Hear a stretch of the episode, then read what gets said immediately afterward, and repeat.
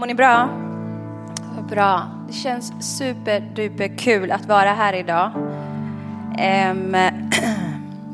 Jag ska bara ta fram mina saker här. Yes, du kan titta på din granne och säga Jesus älskar dig. Och sen kan du titta till din andra granne och säga det finns en kallelse på ditt liv. Och sen så pekar du på dig själv så säger du glöm inte det. Bra. Nej men vad underbart. Nu är inte våra underbara eh, pastorer här. Vi har en som sitter, men jag vill bara tacka för förtroendet att få stå här och tala till er. Jag tar inte lätt på det. Eh, men eh, det är faktiskt så, när jag satt och förberedde mig så satt jag och skrev en predikan som jag själv ville ha. Och sen idag, medan jag höll på och skriver, det var faktiskt ganska segt, så så upplever jag att jag inte ska dela den predikan. Wah, wah. Eh, och, så jag fick byta. Switch lanes ordentligt. Eh, och det Gud vill tala till er idag om, det är att sitta vid Jesu fötter. Amen. Att sitta vid Jesu fötter, att få utgjuta sitt hjärta vid Jesu fötter och bara få vara tillsammans med honom. Amen. Och eh, jag tänkte att bara få berätta om en person i Bibeln som jag läste om ganska mycket förra året. Och den personen heter Maria.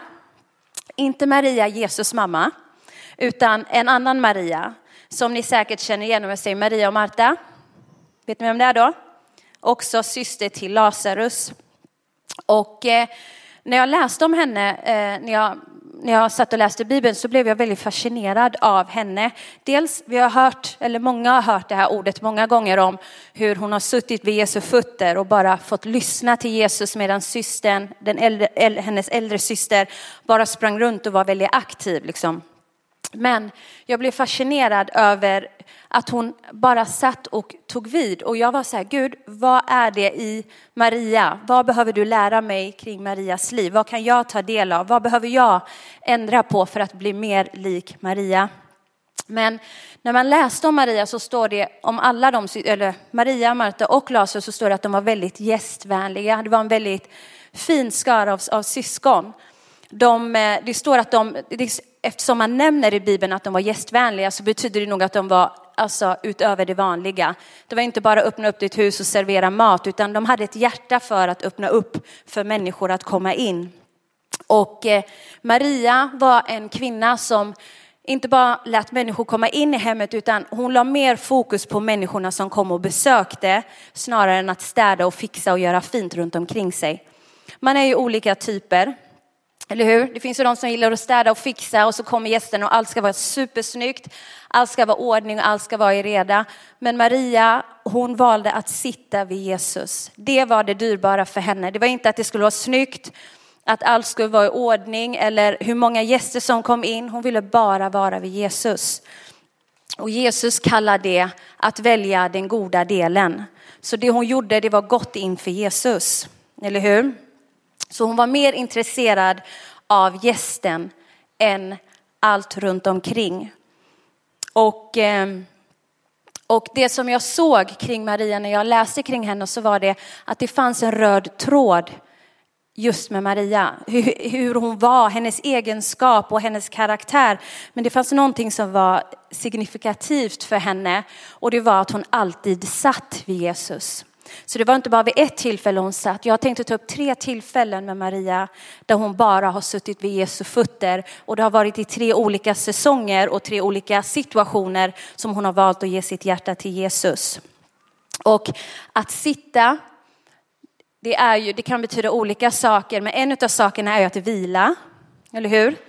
Om du skulle stått nu så kanske du skulle varit mer fram och tillbaka, mer rörelse och du känner att du är på väg någonstans. Men när man sitter så slår man sig ner, man vilar. Det är också en, en bild på att liksom stanna upp, eller hur?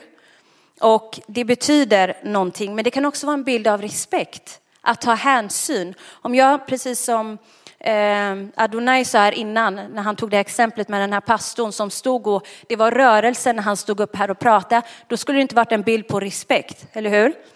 Men när man sitter ner så är det som att man har vördnad och respekt för den personen man sitter vid runt ett bord. Det här var hennes sätt att respektera Jesus, men också att hon hade en längtan i sitt eget hjärta. Hon var mån om att inte missa någonting som Jesus hade för henne. Och vi ska vara exakt likadana. Vi ska vara måna om att fånga det Jesus har för våra liv. Så att vi inte missar det genom att göra saker vi inte ska göra i den stunden. Amen. Så det är att sitta vid Jesu fötter. Det är att njuta av hans närvaro, att umgås och tala med honom genom att be. Det är där vi kommer finna den där friden. Jag tänker att Marta, eller Märta, hon gjorde allting som man ska göra, men hon hade inte friden. Hon var frustrerad, hon blev bitter, hon blev irriterad över att hennes syster inte gjorde vad hon gjorde. Om hon på riktigt skulle haft frid över att göra alla de här sakerna som hon sprang runt och gjorde, då skulle hon inte ens reagera på att hennes syster satt vid Jesus. Eller hur? Så vem var det som bar friden? Det var Maria som satt vid Jesu fötter. Och frid för oss kan se olika ut nu för tiden. Man tittar ut. Det är yoga, det är köpa snygga kläder, det är umgås med vänner, det är relationer, det är hur många likes man får. Det är olika saker som gör att vi liksom får vila. Men den sanna tillfredsställelsen den finns hos Jesus. Den sanna, sanna tillfredsställelsen den finns hos Jesus och det är bara han som kan ge oss den. Därför är det så viktigt att när vi är i Guds närvaro att vi stannar upp. Och det här är inte något jag är expert på, det är något Gud har fått lära mig längst åren. Eh, jag tror jag har tagit det exemplet tusen gånger, att jag många gånger, eh, jag är lite så här, jag vaknar så här, liksom. Han bara, oh, to do, liksom. Och så, så har man tusen saker, jag kan gå upp och David brukar säga att jag bäddar sängen medan han ligger i den, liksom. Men det, det, man är olika. David behöver min man, han tar lite längre tid och han gillar att stanna upp och vad ska det bli för dag idag? Du vet, så känna in. Eh, jag känner ju inte in så mycket förrän det är dags att känna och då kan det vara för sent. Eh, men Gud har fått lära mig i, i hur jag är som person att stanna upp. Och tack Jesus för att jag har fått min man, för han är den som hjälper mig i det. Men Gud har fått, alltså så många gånger har fått vakna och man bara förberedd för strid. Du vet man vaknar och bara, Hur? men Gud har varit så här, chilla, ta det lugnt. Idag är en bra dag.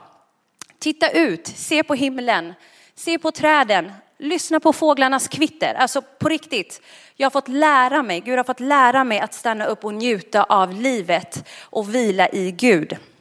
Det är inte naturligt för alla. Ni kanske inte håller med mig, men det har inte varit naturligt för mig.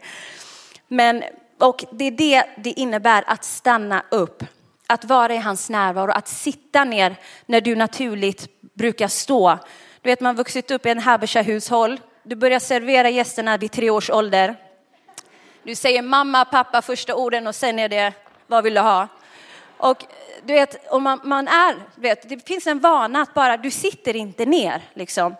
Men Gud har sagt till mig, du, du måste lära dig att njuta av stunden, ta hänsyn till atmosfären och bara njuta. Amen. Så vi ska lyssna till Maria nu. Vi ska se till Maria hur hon vid tre tillfällen valde att sitta vid Jesu fötter. Och det första tillfället det är eh, i Lukas 10 och 38. Och det står så här. Jesus hos Marta och Maria. Medan de var på väg kom Jesus in i en by och en kvinna som hette Marta tog emot honom i sitt hem. Hon hade en syster Maria som satte sig vid Herrens fötter och lyssnade till hans ord. Marta däremot var upptagen med alla förberedelser och hon kom fram och sade, Herre, bryr dig inte om att min syster har lämnat mig och sköta allting själv. Säg nu till henne att hon hjälper mig. Herren svarar henne, Marta, Marta, du bekymrar dig och oroar dig för så mycket. Men bara ett är nödvändigt. Maria har valt den goda delen och den ska inte tas ifrån henne. Underbart. Hon har valt den goda delen och det ska inte tas ifrån henne. Så första punkten är, det är att sitta trots att allt snurrar runt omkring dig. Det är det första hon väljer att göra. Det var säkert inte bara Marta som sprang runt och gjorde saker, utan det var säkert fullt i det hushållet. För vi vet att dit Jesus gick, där kom det skaror av människor. De hade tydligen säkert inte bara öppnat upp för att Jesus och de tre syskonen skulle sitta där. Jag tror att det var fullt med människor, annars skulle Marta inte vara så stressad.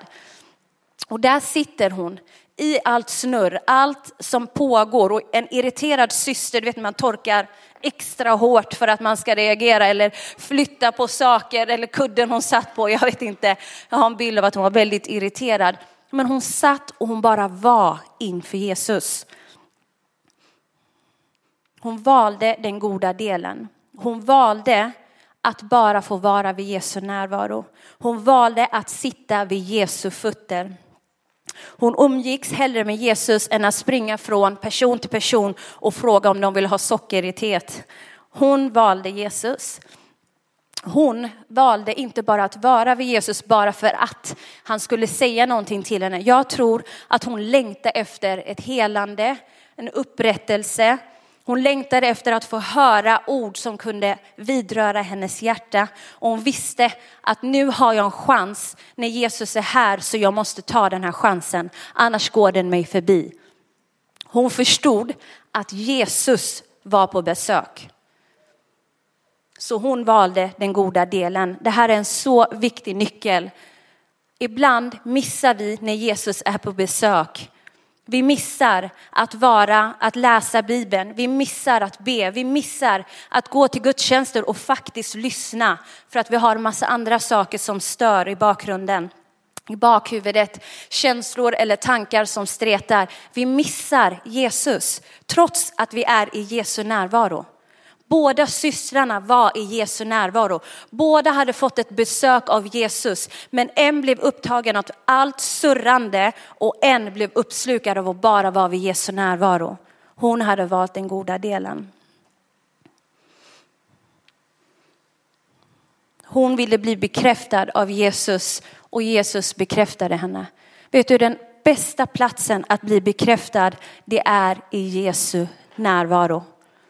Vi behöver inte bli bekräftade på Instagram, i relationer i första hand. Det är viktigt med bekräftelse, vi är människor.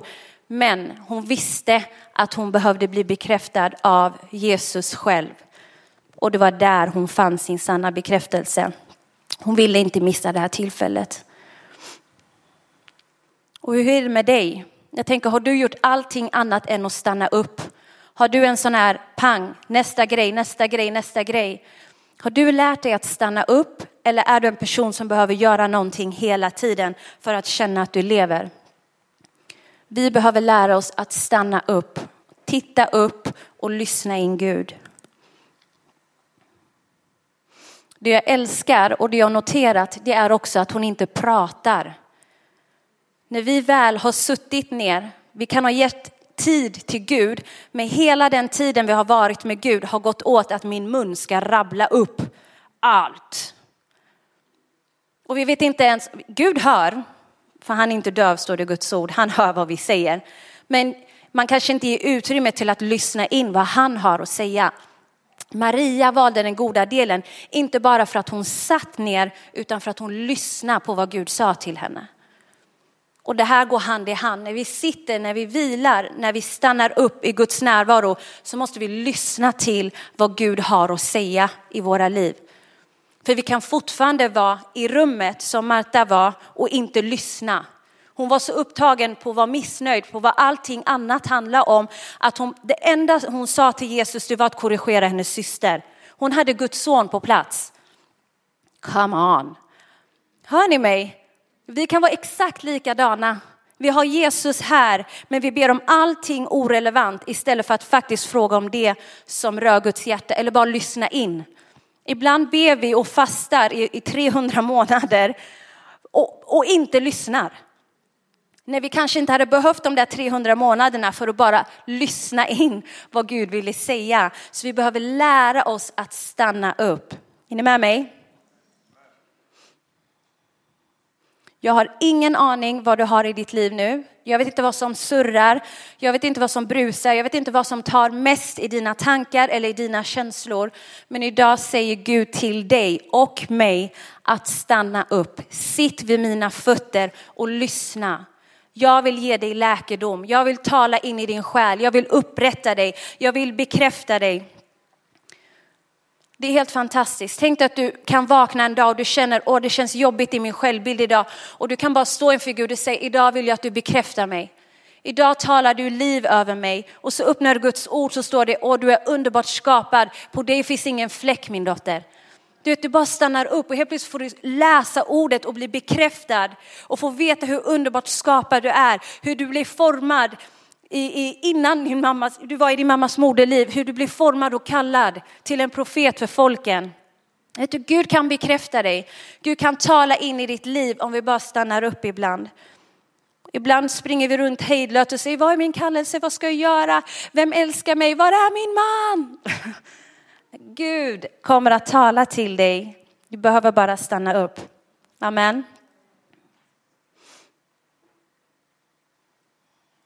Det andra, det står i Johannes 11 och 17.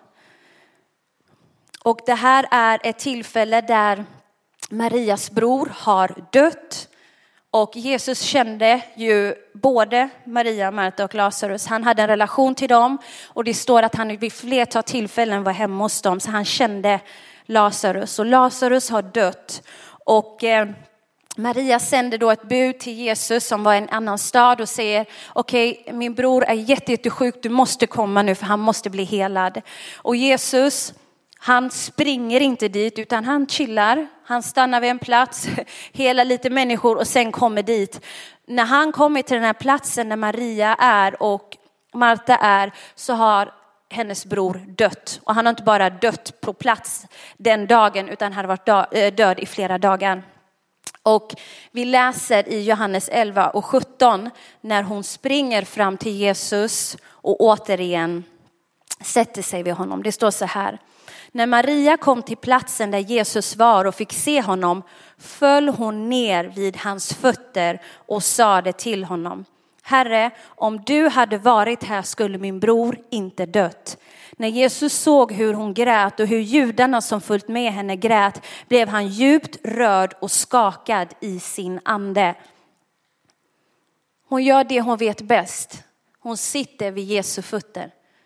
Den här gången inte för att lyssna, den här gången för att hälla ut sitt hjärta.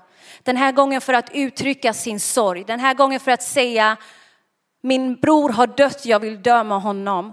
En smärta och när hon häller ut sitt hjärta inför Gud vid hans fötter, vid Jesu fötter, så rör det vid Jesu hjärta. Hon har valt den goda delen. Återigen väljer hon den goda delen. De hade säkert eh, klag, eh, klagosånger, de hade en sorgeprocess, de var ju samlade i hemmet. Men det var inte förrän Jesus kom, hon bara lämnar det och rusar ut för att möta Jesus. För hon visste vem Jesus var. Den där Jesus som har besökt henne, den där Jesus som tittade henne i ögonen och talade in i hennes liv. Hon visste att han var källan till tröst. Hon visste att han var all trösts Gud. Hon visste vem han var, så det var han hon ville komma till. Det var han som var hennes källa, det var hans fötter och ingen annan som ville vara vid. Detta är en nyckel. Även när vi går igenom tuffa saker i våra liv, att den första, första källan, den första platsen är vid Jesu fötter. Där är en plats, det är safe. Han håller alla dina hemligheter. Han berättar ingenting. Förutom när de bara, Gud har sagt till mig att du... Nej, jag ska. Men han, han, han håller allt. Han ger de bästa råden. Han ger de bästa, de bästa liksom, torka tårarna, bästa eh, råden och tipsen på hur du kan gå vidare. Han ger dem de bästa orden att stå på. Han ger allt. Ändå är vi så, så bra att springa överallt förutom till hans famn och förutom till hans fötter. För vi har inte förstått vad som finns på den platsen. Och jag älskar det här, hon är så transparent. Hon är inte så här, åh, det kommer bli jättebra. Hon utgjuter sitt hjärta. Hon utgjuter att om du skulle varit på den här platsen, då skulle han inte ha varit död. Så det är inte liv hon talar, men hon tar ut det hon har i sitt hjärta. Och jag älskar det, för vi är människor. Ingen är perfekt. Jag älskar att vi kan komma till Jesus och uttrycka precis allt. Vad du har, vad du bär på, dina tankar, dina känslor. Jesus vill ha allt. Och att det är en safe space att kunna säga allt. Det är inte fel att ha dåliga tankar eller känslor. Det som blir fel det är när vi börjar agera på våra tankar och på våra känslor. Maria uttryckte vad hon hade i sitt hjärta. Hon var i sorg.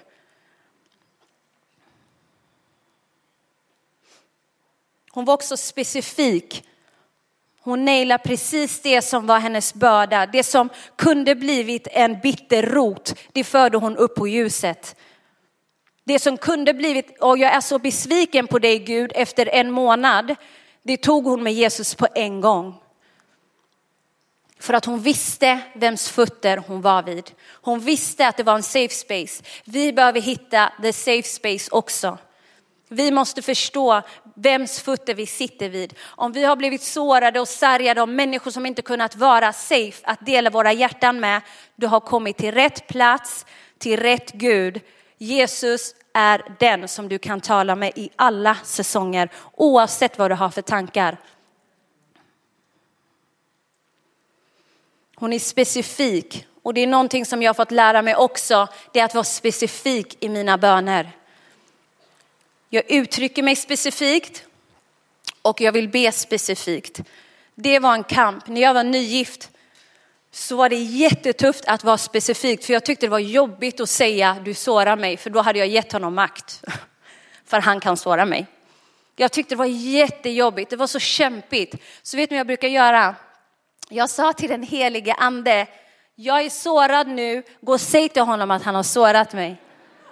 På riktigt, jag skojar inte. Så här gjorde jag, och det var inte en gång, det var flera gånger. Vet ni vad den helige ande gjorde?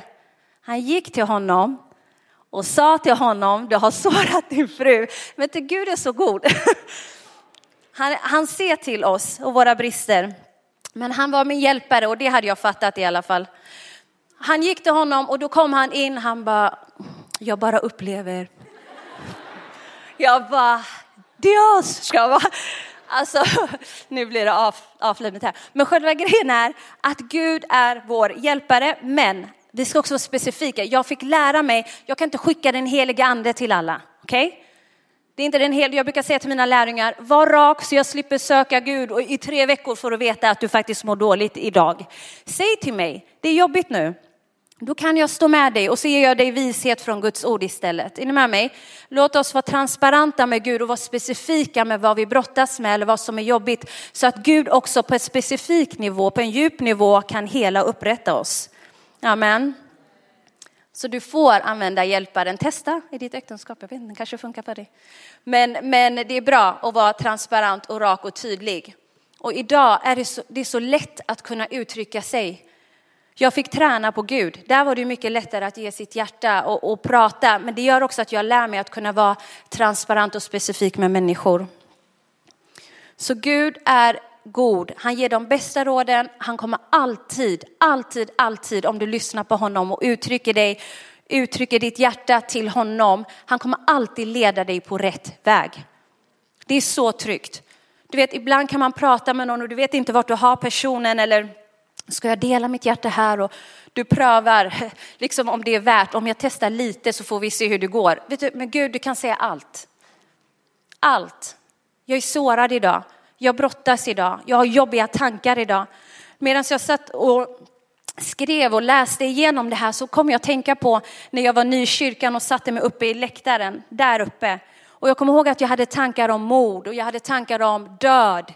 Och så när, när pastorer och ledare kunde stå och predika så kunde jag inte höra predikan för jag brottades så mycket i mina tankar. Men jag, var så, alltså jag blev rädd för mina tankar, det var på den nivån.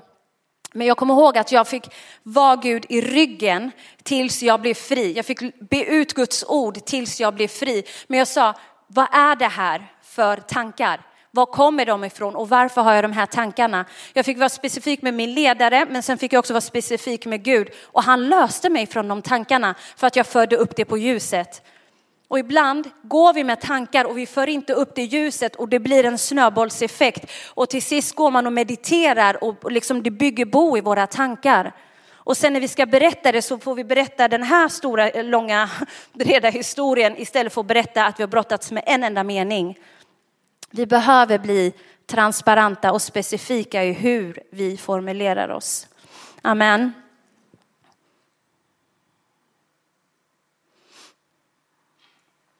Vi ser också hur Marias tårar och hur hon kastar sig vid eh, Jesu fötter, det rörde vid Jesu hjärta. Det står att han genast, han såg henne, det såg att han blev omskakad, det skakade i hans ande och han genast följer med henne till graven. Vet du, när vi uttrycker våra hjärtan, våra måenden, vad vi känner, det rör vid Guds hjärta och det får också Guds hand att komma i rörelse. För vad är det Jesus är ute efter? Han är ute efter våra hjärtan. Han vill att vi ger våra hjärtan. Han vill att vi ger det djupaste av det djupaste till honom. Jag brukar säga det när jag brukar vittna om mitt liv så säger jag alltid, jag sa alltid till Jesus, om jag säger allt till dig så måste du ge hemligheter till mig. Det jag, jag ger dig allt, jag kommer ge dig allt, men snälla ge mig hemligheter. Jag vill lära känna dig, jag vill veta vad som finns i ditt hjärta. Om jag ska utgjuta allt till dig, säg något till mig så att jag känner att vi har en relation. Och så här jag satt, och du sen så ska... Men att faktiskt ha en relation. Jag var inte intresserad av att sitta och babbla och bara ge mitt hjärta. Jag var intresserad av att känna, lära känna Guds hjärta. Det var viktigt för mig. Amen. Så när vi är transparenta så rör vi vid Guds hjärta. Och det gör att han skyndar sig för att hjälpa oss och ge oss det vi behöver i våra liv. Amen. Och när hon böjer sig, jag älskar det, även om hon hade argument mot Jesus så visar det ändå en förkrossad ödmjukelse från hennes håll. Och jag älskar det, när, när vi väljer att sitta, nu sitter ni, du ser jag ganska stor ut här uppe, eller hur?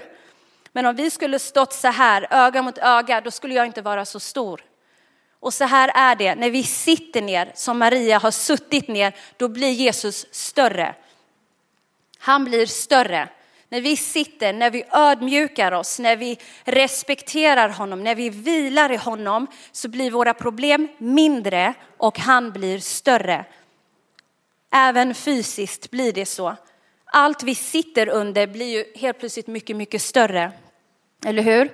Och det är exakt den funktionen som Jesus ska ha i våra liv. Att vi blir mindre och han blir större. Och vad, vad, vi förstår eller vad vi har fått av den här berättelsen i Bibeln det är att Jesus också uppväcker Lazarus från de döda. Han kommer till liv. Tårarna har rört vid Jesus. Jesus har börjat gråta av att han såg Marias hjärta och han går och uppväcker Lazarus till liv. Amen. Sen är det tredje gången vi får läsa om Maria. Och det står så här i Matteus 26, vers 6.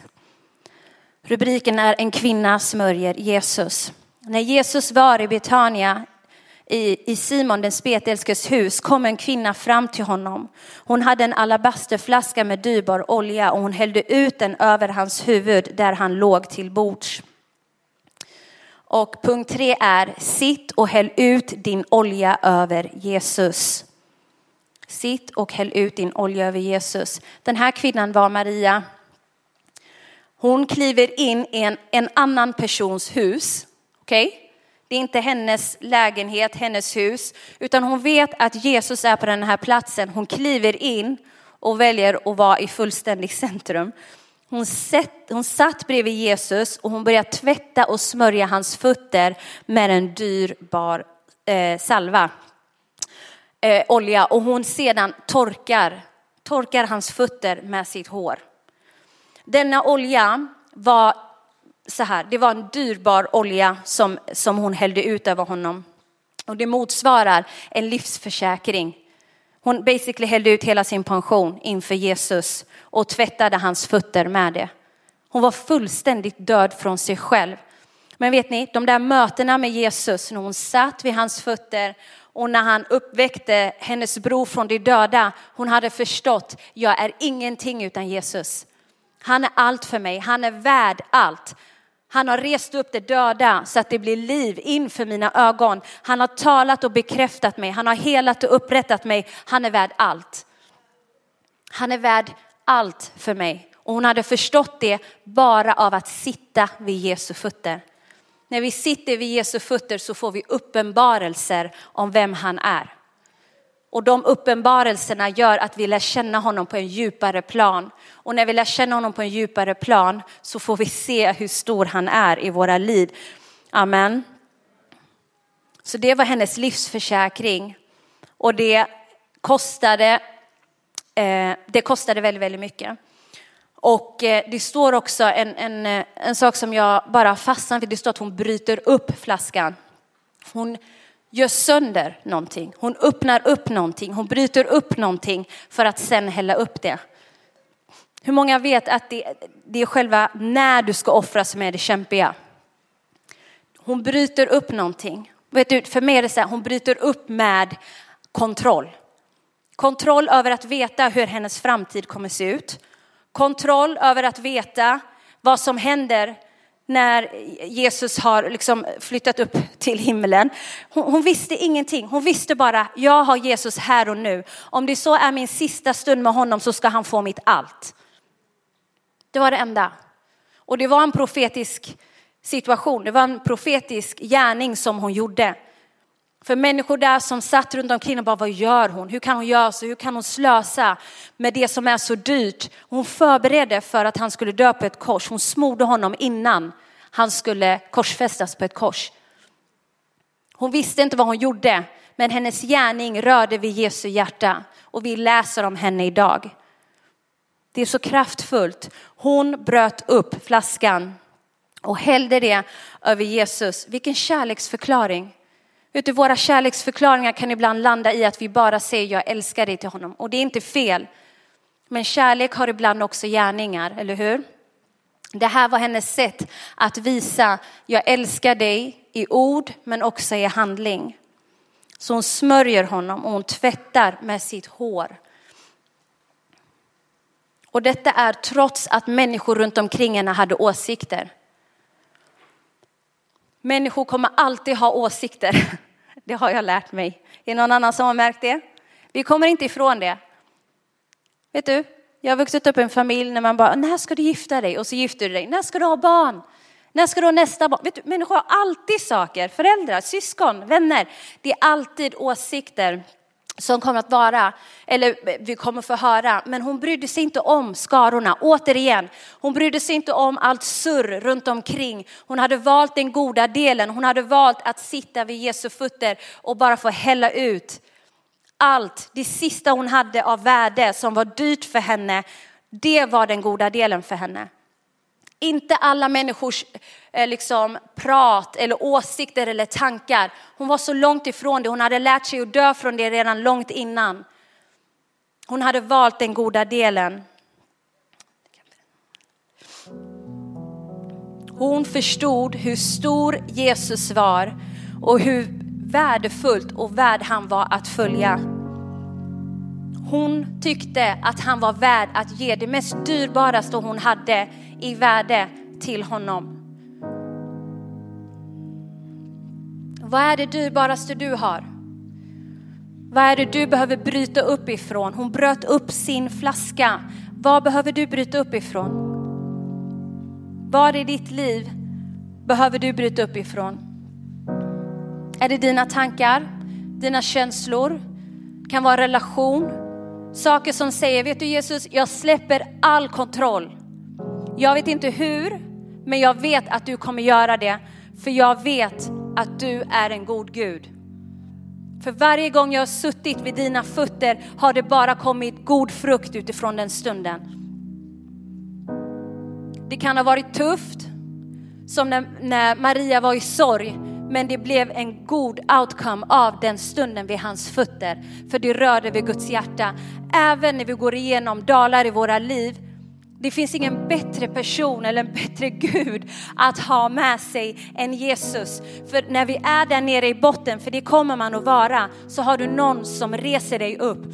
Du har någon som skakar stoftet av dig. Det är någon som lyfter din haka och säger det kommer att bli bra. Du har någon som torkar dina tårar. Vet du, det finns människor som är i botten och har ingen.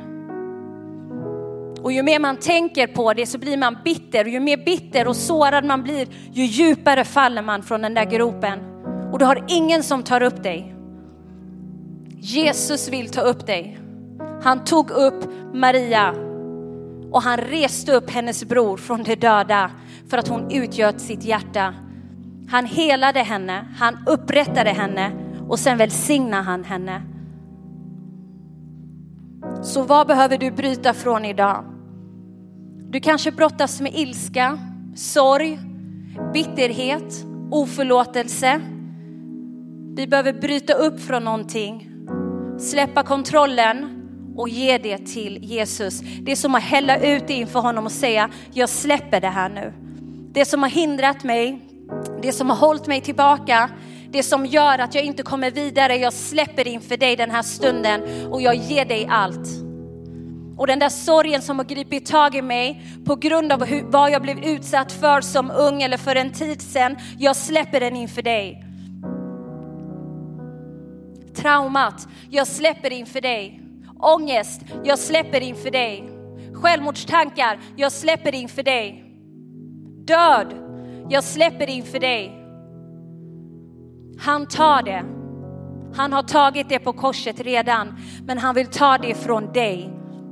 Han vill ta just det där som du står i. Han vill ta din situation. Han vill ta ditt berg, han vill ta ditt ok, han vill ta din ryggsäck så att du kan bli fullständigt frigjord ifrån det du brottas med. Han älskar dig. Men vi behöver ge det som har hållit oss tillbaka. Och många gånger vet vi vad det är.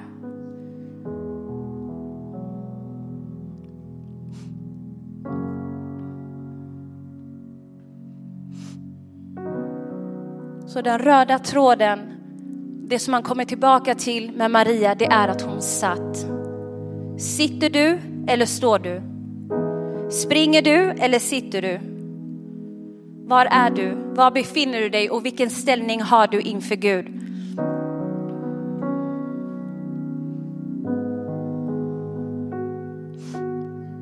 Jesus vill bara ha ditt hjärta. Gärningarna är ingenting värt om hjärtat inte är där. Tjänsten är ingenting värt om motiven inte är rena. Jag får checka mig så ofta och säga varför gör jag det jag gör? Varför? Och jag kommer tillbaka till 12 år sedan där Gud löste mig från min ångest, min depression. Jag inte hade någon framtidstro, jag inte ville leva längre. Det är dit jag kommer tillbaka varje gång jag frågar Gud om vad är motivet med vad jag gör. Det finns ett syfte till det du går igenom idag, men det finns också, Gud har en framtid för dig. En framtid och ett hopp för dig. Du ska inte vara kvar i det här mörka hela ditt liv, utan Gud har en ljus säsong framför dig. Men vi behöver släppa saker inför honom och säga, jag släpper kontrollen nu. Ibland kan vi gå och vara ledsna, bittra och sårade och deprimerade och vi håller det som att det är en snuttefilt. Och vi vet inte ens vad vi är utan den där grejen. Så krampaktigt håller vi kvar och håller fast vid den utan att veta vad Gud kan komma med i våra liv.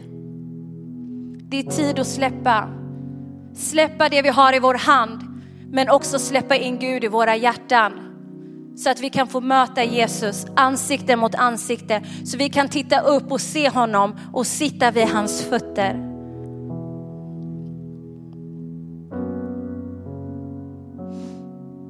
Du kommer få ett tillfälle här sen att få komma fram och du ska få utgjuta ditt hjärta inför Jesus. Och jag vill bara säga det här, för när jag förberedde mig det tillfället att vara specifik och det tillfället att föra upp någonting på ljuset, det kommer vara när du kliver fram till den här platsen och du får säga vad det är du har brottats med. Och det får bli din träning inför hur du ska sitta vid Jesu, Jesu fötter och ge ditt hjärta. Det finns ledare som kommer stå här framme sen och de kommer lägga händerna på dig och de kommer be för dig. De har förberett sig hela den här veckan för att betjäna just dig. Så om du vet att du har någonting som ligger överst, någonting som du har haft svårt att släppa eller någonting som har tyngt dig, så är min bön och min bön har varit idag, det är att du ska bli fullständigt löst. Men det ska vara inte bara att du blir löst, utan det ska vara som en stund där du får sitta vid Jesu fötter. Där du blir bekräftad, där du blir helad, där du blir välsignad och där du blir sedd. Och det ska vara en stund när du har blivit bekräftad, helad och sedd, där du bryter upp din olja och du häller ut den inför Gud och så säger du, jag släpper nu min kontroll. Jag släpper det som har hållit mig tillbaka och jag vänder mig till dig. Amen. Så alldeles strax ska ledarna komma fram. Men jag vill bara tala till dig först som inte känner Jesus. Jag såg att det var några som räckte upp sin hand här innan. Om du är här och du inte känner Jesus och du tänker oj, jag vill ha Jesus och jag har saker jag behöver släppa så är första steget att ta emot honom i ditt hjärta. För först måste ljuset också flytta in i ditt hjärta. Så vad jag kommer göra nu, alla kan bara stå, det är att vi ska be en frälsningsbön tillsammans.